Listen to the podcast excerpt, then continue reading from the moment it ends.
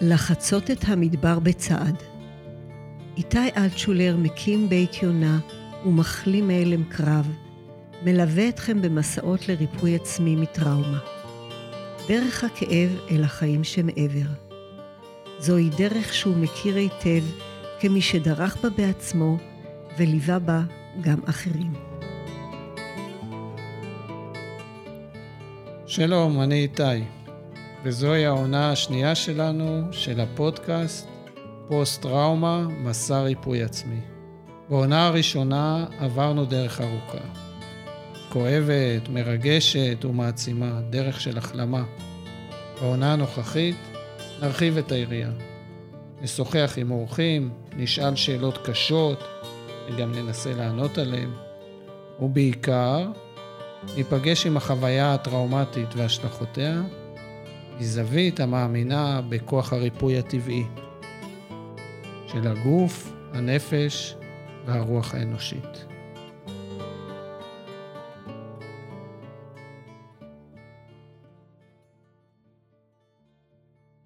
דור שני לניצולי שואה, זווית אישית. בפרקים הקודמים שמענו את הסיפורים של חדווה וישראל, שניהם בני הדור השני לניצולי השואה. במקרה או שלא במקרה, גם אני בן הדור השני לניצולי השואה. השיחות עם שני האורחים שלי השפיעו עליי עמוקות באופנים שונים. חשתי הזדהות עמוקה איתם וראיתי קווים משותפים בהתמודדות שלנו ובבחירות שלנו.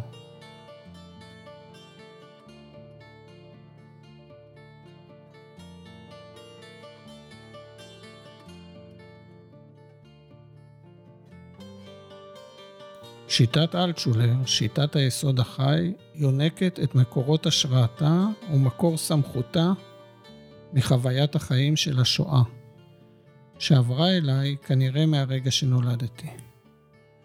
הדור השני לניצולי השואה ספג מעורב, כפי שכבר הספקתם לשמוע בפרקים הקודמים, מנעד של רגשות, דרכי תגובה ונקודות מבט מגוונות.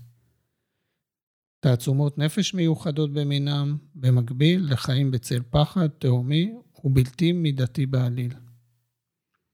כמו גם הם, גם אני זכיתי או נועדתי או נגזר עליי לחיות גם בנקודות הקיצון הללו. במבט לאחור, אני רואה את חיי כניסיון לאזן בין הכתבים האלה. להגיע לשקט פנימי שיאפשר לי להקשיב היטב לקולו של היסוד החי המביע את עצמו בעזרת קולי הפנימי. היותי בן לניצולי שואה הפך אותי ליותר מועד ללקוט בהלם קרב. רק שנים אחרי שנפצעתי התמודדתי עם הפגיעה הנפשית שמקורה בצבא והחלמתי, למדתי שבני הדור השני, כמוני, מועדים ללקוט בהלם קרב ברמת סיכוי גבוהה יותר ב-30% מבני דורם ללא רקע כזה. אבל לשמחתי, לכל מטבע יש שני צדדים.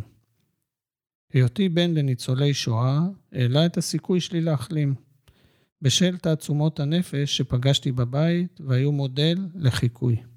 כמו שסיפרו ישראל וחדווה בראיונות איתם, בדרך כל כך מעוררת השראה בעיניי. לפני שנמשיך הלאה, אני רוצה להשמיע לכם הקלטה של מנשר הניצולים כדי להמחיש את המורשת שעליה גדלנו, ברובנו בני הדור השני לניצולי השואה. מנשר הניצולים הוקרא לראשונה כקריאה לעולם כולו על ידי ניצול השואה צבי גיל.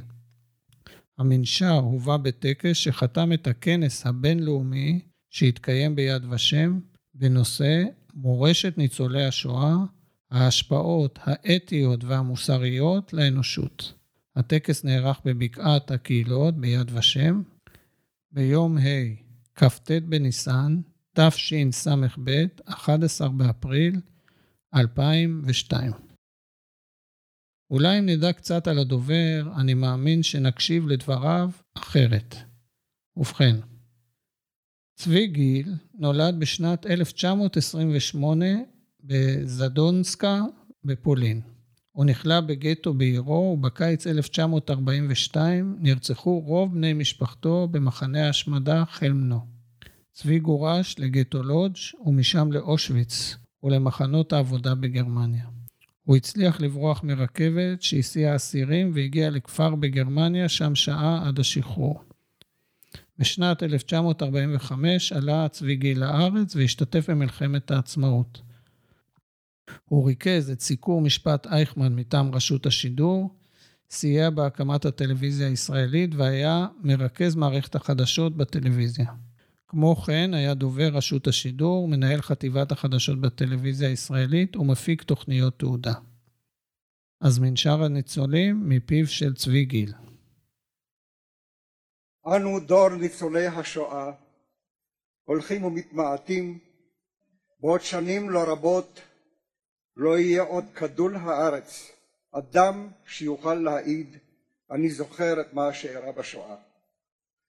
ייוותרו רק ספרי זיכרונות ומחקר, תמונות וסרטים ועדויות ניצולים, אז יהפוך זיכרון השואה מגורל כפוי החתום בבשרנו ובנפשנו לייעוד היסטורי שעל האנושות ועל הדורות הבאים לשאת באחריות לצקת בו תוכן ומהות. לפני חמישים ושבע שנים, באביב 1945, נדמו קולות הזוועות מלחמת העולם השנייה. ואנו, שרידי יהדות אירופה, יצאנו ממחנות המוות ומגאיות ההריגה, אחד מעיר ושניים ממשפחה, מוכים ומרי נפש, מיותמים ללא קהילה ללא בית ובלי נפש קרובה המחכה לנו ברחבי תבל.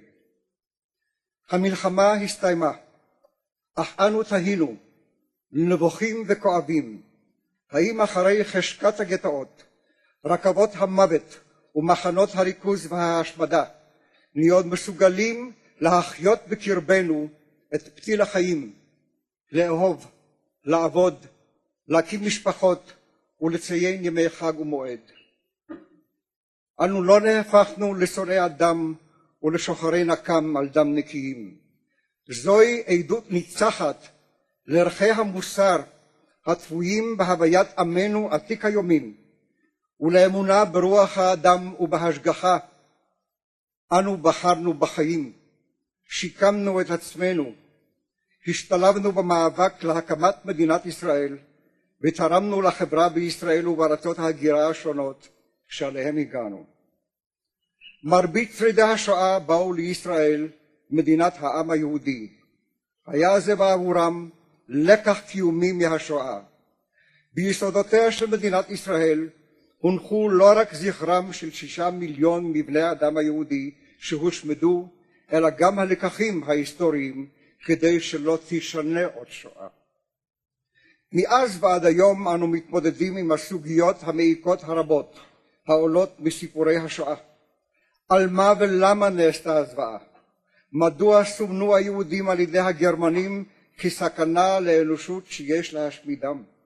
מדוע דווקא מקרב העם הגרמני שהוליד הוגים ומורי הלכה באתיקה וענקי יצירה בתרבות המודרנית יצאו הרוצחים שיצרו והפעילו את מכונת ההשמדה חסרת התקדים.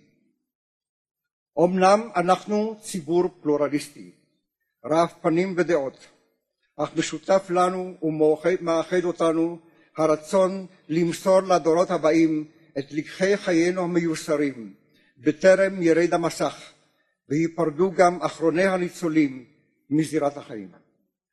מכאן, מירושלים, מיד ושם, אתר ההנצחה של העם היהודי לשואה ולגבורה, מן המעמד הזה של הכנס הבינלאומי שהתכנס כדי להעלות על נס את דבר הניצולים, אנו משמיעים את קולנו.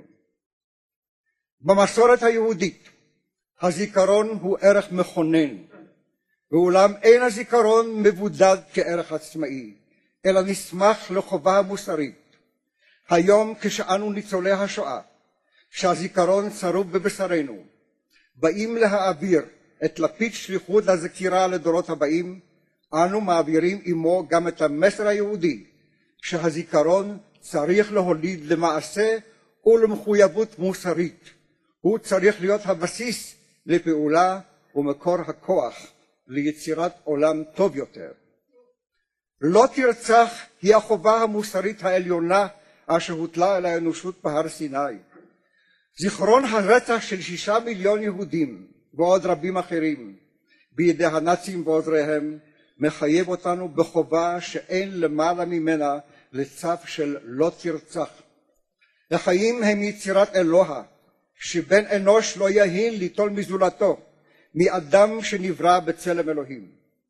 כחלק מזיכרון השואה, אנו קוראים לחתור ללא לאות לשמירה קפדנית על חיי אדם ולהימנע משפיכות דמים. אנו, כמי שכבודם האנושי חולל עד עפר, ובשמם של אלה שגורלם נחתם להשפלה מזוויעה בטרם הוצאו להורג, קוראים לעולם כולו להתאחד סביב ערכי זכויות האדם והשוויון בין בני האדם, ללא הבדל דת, גזע, לאום, מעמד חברתי או מין. רודנות ואלימות פוליטית, כמו ניצול כלכלי אכזרי, תוך רמיסת כבודם האנושי של יחידים וקבוצות, הם חטאים שאין להם כפרה, ואשר על העולם הנאור להתאחד בפעולה נחושה כנגדם. אין חלופה ממשית לקיום זה לצד זה של בני אדם ושל העמים. יש לעשות הכל כדי שבעיות ייפתרו לא בשפיכות דמים, אלא בשיג ושיח במזרח התיכון ובעולם כולו. אנטישמיות וכל סוג אחר של גזענות טומנים בחובם סכנה לא רק ליהודים אלא לכל העולם. חבויות בהם מגמות שיכולות להביא לרצח עם. בימים אלה האנטישמיות החדשה מכוונת בו זמנית נגד היהודים, נגד ישראל ונגד הציונות, תוך הפיכת מושגים אלה למושגים נרדפים.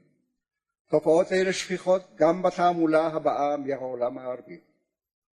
השואה הראתה לעולם עד היכן מגיע כוחן ההרסני של האנטישמיות והגזענית.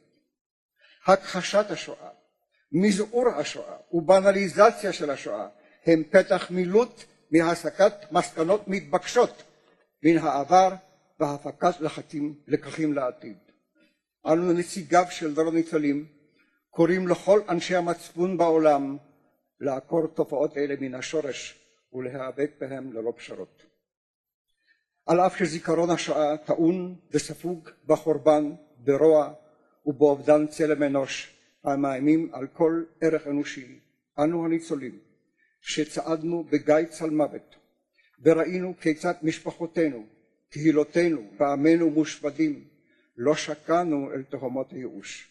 לא איבדנו את האמונה באדם ובצלם אלוהים.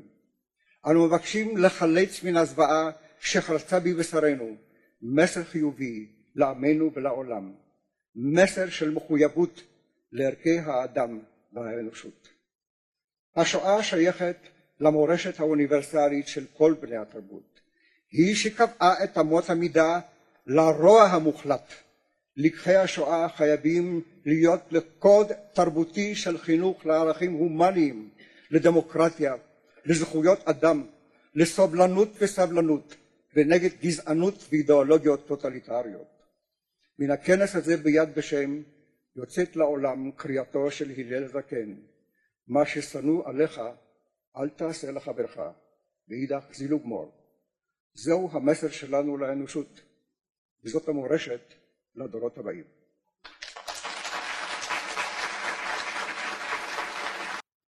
בשיחה היום אני רוצה לשוחח על שני נושאים הקשורים זה בזה וחובקים זה את זה.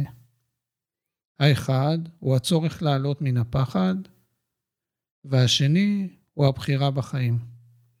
אך ראשית אני רוצה שנמפה את האיכויות של הפחד ונשמע בקולה המוכר והנעים של סימה רעייתי, קטע מתוך ספרי הדן בנושא. אז בבקשה, סימה. פחד, אימה וחרדה, מתוך ספרו של איתי אלטשולר, לחיות את היסוד החי. פחד בשיח הציבורי נשמעים קולות שונים ומגוונים בהתייחסות אל הפחד. יש המנסים לדחוק את ביטויו לקרן זווית ומסרבים לתת לו לגיטימציה. תולדה של חינוך ותרבות מצ'ואיסטית. יש המשתמשים שימוש מניפולטיבי בפחד כדי לשלוט ברצונותיהם של האנשים ובמעשיהם. שימוש ציני ואגרסיבי בחששות האנושיים לשם עשיית רווחים כלכליים, פוליטיים ואחרים. שימוש המעודד, מחזק ותומך בהפיכתם של הפחדים לחרדות. העלאת היסוד החרדתי של החברה מערער את יכולת העמידות של הקבוצה ושל כל פרט בתוכה. אך יש בציבור גם קבוצה קטנה ומצומצמת, המקנה לפחד את מקומו הטבעי, הן במרחב השיח והן במעשה. הפחד הוא ידידו הטוב של האדם, אפילו יותר מהכלב. הפחד הוא הכלי שניתן לאדם ולבעלי החיים כדי להגן על עצמם, לשמור על גופם, נפשם ורוחם, כדי להמשיך לקיים את עצמם ברמה הבסיסית ביותר, קרי הישרדות, פיזית, נפשית ורוחנית. ללא הפחד, היו היצורים החיים מכניסים עצמם למצבים שמסכנים אותם, גורמים לפגיעה בהם או גורמים להשמדתם. המילה פחד מציינת התעוררות גופנית הכוללת מתח שרירי מוגבר, האצה בפעולות הלב והידרכות חושית כללית לקליטת מירב האינפורמציה הסביבתית שתעזור ליצור החי לנהוג בתבונה, קרי להגן על עצמו לשם המשך הישרדותו השלמה והתקינה. זהו מצב גופני שלעיתים מתואר בספרות האבולוציונית כמנגנון תקוף או ברח. ההיערכות הגופנית היא יכולת מולדת, אך מושאי הפחד, או זיהוי הגורם אליו יש להגיב בפחד, הוא חוויה נלמדת. ילד קטן אינו נרתע מחום חזק או מאש עד שהוא לא מתנשא בכאב שקשור למגע עמם. ההתנסות המאיימת והמכאיבה מרחיבה את מאגר הנתונים שנכנה אותו מעכשיו סל הפחדים, ומפעילה את מנגנון הפחד. כל פעם שצץ שביב מידע הכלול בסל הפחדים, הפחד מופיע, כלומר הגוף נדרך ועובר למצב החן. התופעה הזו משותפת לנו ולבעלי החיים. לדוגמה, הכלב נרתע מבני אדם לאחר שחווה התעללות, על אף שנטייתו הטבעית היא להתקרב אליהם ולחפש את חברתם. הפחד מתעורר לא רק כתוצאה מסכנה או מאיום פיזי, אלא גם כתוצאה מהתנסות בפגיעה בצרכים הרגשיים כגון חום, אהבה, ביטחון, או בצרכים הרוחניים כגון חירות ומשמעות. כל חוויה שנחווית כמסוכנת ברמה הפיזית, ברמה הנפשית או ברמה הרוחנית, מרחיבה את מאגר הנתונים. הגוף מגיב לכל אחד מהנתונים בסל הפחדים באותה צורה.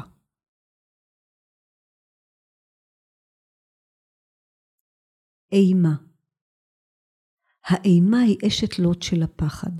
חוויה של פחד גדול מדי גורמת לגוף להיכנס למצב של שיתוק וקיפאון. השרירים נדרכים עד כדי התקשות. האוויר נתקע בגוף, הנשימה נעצרת, ולעומת זאת הלב פועל במהירות ובעוצמה של שור מתפרע.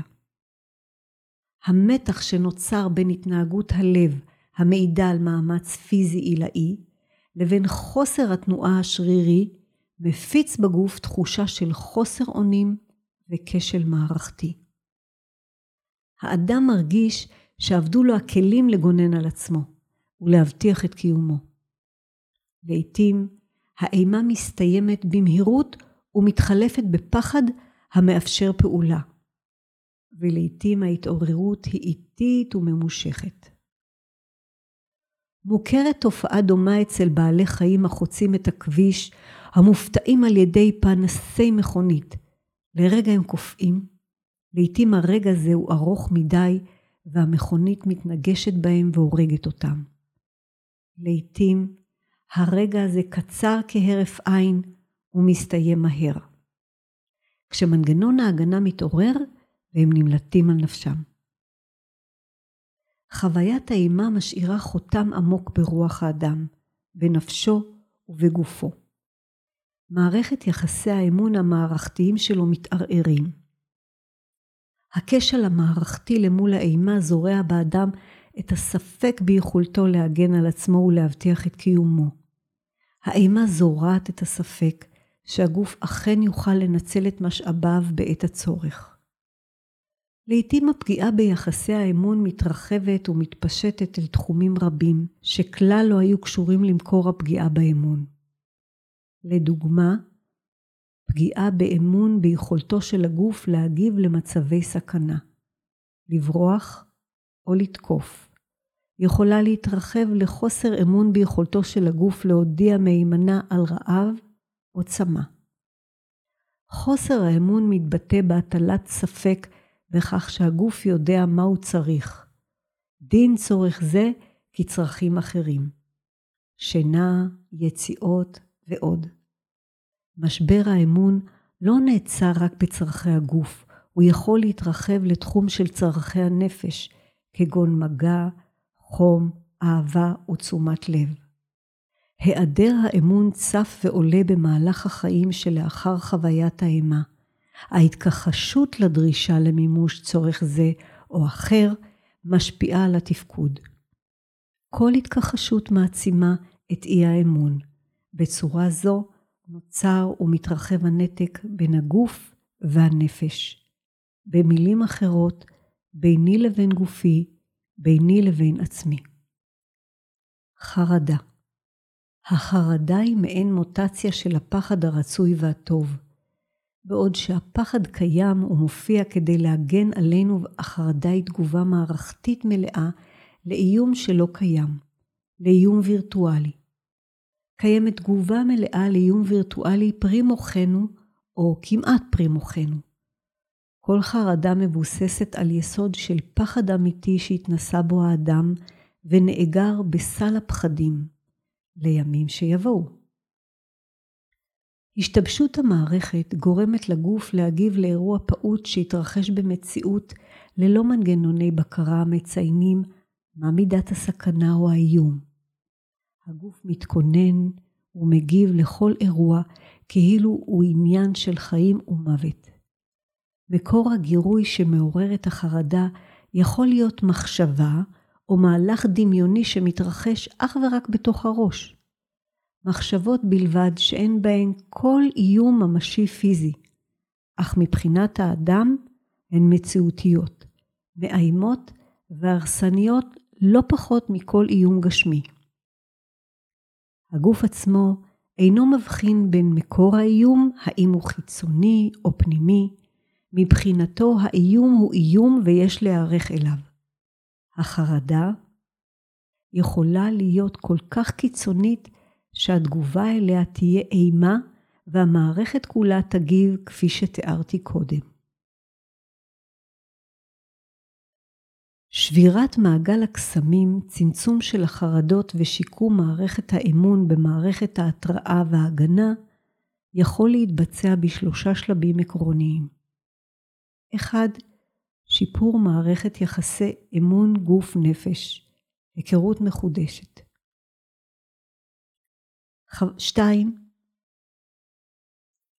חוויית ההבחנה בין חרדה לפחד. 3. התיידדות עם החרדה, זיקוק הפחד מתוכה והחזרתו לסל הפחדים. לסיכום, הפחד הוא תחושה חיונית לשם הישרדות.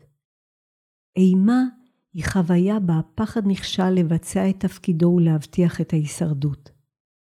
וחרדה היא תגובת פחד אוטומטית ללא סיבה ממשית. ישראל שפייזר, בשיחה איתו, טבע את המונח לעלות מן הפחד. כאילו הפחד אינה ישות שיש להתגבר עליה או רגש שיש להתמודד איתו, אלא בור עמוק ושואב שיש לעלות ממנו, יש לטפס ממנו אל המציאות הרגילה.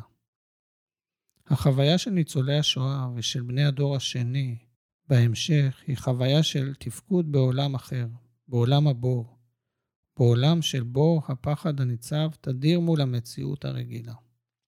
חדוה טרגר בשיחתה מספרת על ילידי הארץ, בני קריית חיים, שלא ידעו פחד, שלא הכירו את העולם הזה שלה. קיום שעורר בה קנאה עמוקה ורצון לחיות בעולמם. חוויית חיים שעוררה בה רצון להשתייך לעולם הרגיל, שאין בו בורות כאלו. אך האמת היא שלא מדובר על פחד כלל, כי כבר הסברנו שפחד הוא דבר טוב ומגן, אלא מדובר על אימה. למעשה מדובר על בור של אימה מצמיתה ומשתקת, שבכל רגע נתון יכול לפתוח את פיו ולבלוע את מי שכבר מכיר אותו.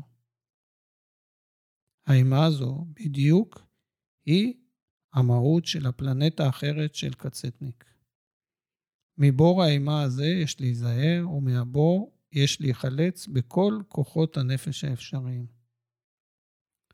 פיטר לוין, בספרו "להעיר את הנמר", מתאר את הכוחות המשחקים בעולמו של המתמודד עם פוסט-טראומה, כשתי מערבולות הנאבקות זו בזו, מערבולת הטראומה ומערבולת ההחלמה. כשמערבולת הטראומה מזכירה את בור האימה. הדימוי של מערבולת מצייר טוב יותר את כוח המשיכה למטה אל הקרקעית של ההוויה הטראומטית. כוח המשיכה המטביע אותנו. ואילו הבור השואב טוב יותר לטיהור ההוויה הטראומטית כסביבה לחיות בתוכה. הבור כדימוי מוצלח להמחשת השאיפה לטפס ממנו אל עבר החיים המלאים. הבור ממחיש ביתר שאת כמה מסע החלמה הוא פעולה אקטיבית ויזומה הדורשת כוחות רבים. כשנפצעתי במלחמת לבנון הראשונה, ולימים התעורר בי הלם הקרב, עוצמתו הייתה גדולה שבעת מונים, כי האימה שפגשתי בבית היוותה מכפיל כוח לאימה שחוויתי בשדה הקרב. ובתהליך הריפוי העצמי טיפסתי שוב ושוב במעלה בור האימה, בהתחלה גם ביום וגם בלילה, וכשהבסתי את החלומות, נותרו לי הימים למאבק. בשיחות עם חדווה וישראל שמענו חיוניות עוצמתית ומתפרצת, הבוחרת בחיים על אף ולמרות הקושי. מניסיוני האישי ומהתבוננות סביבי, הבחירה בחיים לא כצורת דיבור, אלא כדרך חיים, היא הדבר השני שזכו בני הדור השני בצד ההיכרות עם בור האימה. ההבנה שהחיים אינם מובנים מאליהם משותפת לניצולי השואה לדורותיהם. לא כהבנה פילוסופית או דתית, אלא כהבנה קונקרטית, יומיומית וזמינה, ללא תלות במה שאני או במי שאני. ההבנה הזו הובילה ומובילה, לדעתי, לבחירה בחיים כמעשה מתמיד ומעשה מקדים, ראשוני והכרחי עבור מי שמחליט לעלות על דרך הריפוי. ריפוי מפוסט-טראומה לסוגיה. ההחלטה הזו אינה סתם החלטה רגילה, אלא החלטה מכוננת כמין בחירה בייעוד. החיים עצמם הם ייעוד ולא צריך ייעוד מלבדו. זו אמירה חזקה ופשוטה בו זמנית. אלו חיים סופר ממשיים מחד ונשגבים מאידך. אני רוצה לסיים ולשתף אתכם ברגע מאוד מיוחד, מבחינתי לפחות, שבו מתחתית הבור בחרתי בחיים. והפעם אני אקרא לכם מתוך ספרי לחיות את היסוד החי. לי לא הייתה ברירה.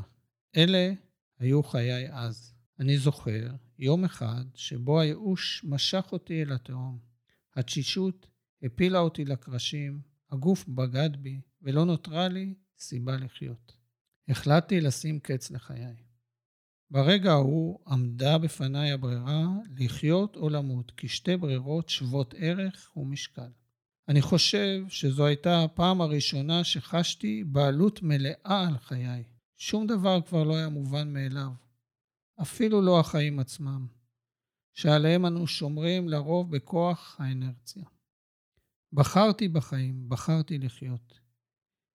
הרגשתי אז שאני מצטרף למשפחה גדולה של אנשים. משפחה גדולה של יהודים, שאחרי השואה ועל אף הזוועות שלה בחרו בחיים, בחרו לחיות. הרגשתי שהבחירה הזו הפכה אותי לחלק ממשהו גדול ממני. הרגשתי גאווה על השייכות הזו. השייכות הזו גם הבדילה אותי, לתחושתי, והפכה אותי לזר בקבוצה אחרת של יהודים, בני הארץ הזו, שבחרו ובוחרים אחרת. קבוצה שעיצבה את האתוס הציוני וקידשה אותו בדם. קבוצה שטיפחה את פולחן ההקרבה עד מוות. קבוצה שהעלתה על נס את המתים למען ובו זמנית פחדה פחד אימים מהמוות עצמו. המוות היומיומי של החולים והזקנים, של הילדים והמתאבדים, נקבר מחוץ לגדר התודעה של הקבוצה הציבורית, מחוץ לתודעה שלנו. המוות השגרתי הוא חלק חשוב ונפלא מהחיים עצמם. הוא הגבול שמקנה לחיים משמעות ומאפשר לנו לשמוח במה שיש, ולא לראות דברים רבים כמובנים מאליהם. רק חלק קטן מכל הדברים הללו הבנתי אז. ומה שהבנתי, בוודאי לא הבנתי וקלטתי ברמת מורכבות ובהירות כזו. אך היום ההוא היה בכל מקרה נקודה בזמן שבה השתנה הכיוון של חיי. מהתרסקות לבניית שלבי הסולם. זה אחר זה. מצניחה חופשית לטיפוס בו. ממבט פנימה ולמטה לתנועת עיניים לכל הכיוונים. פנימה והחוצה, למעלה ולמטה, אחורה וקדימה. נקודת תפנית זו אינה נתפסת בשעה שאדם נמצא בה. הבחירה שלי בחיים הייתה ציון דרך משמעותי, שבו קראתי ברית מחודשת עם היסוד החי שבי.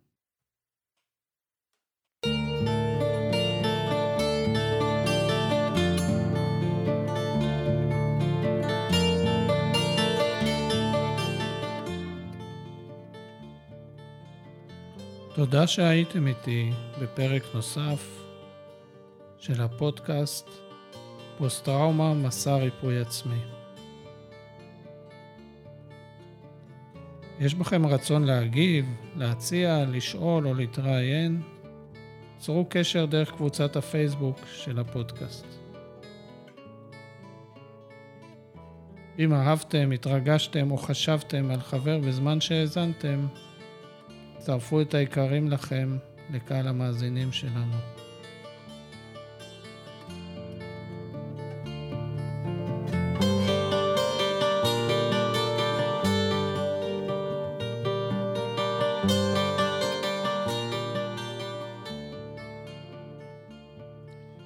זה הזמן לספר לכם שתוכלו להצטרף בעצמכם למסע ריפוי עצמי מפוסט-טראומה.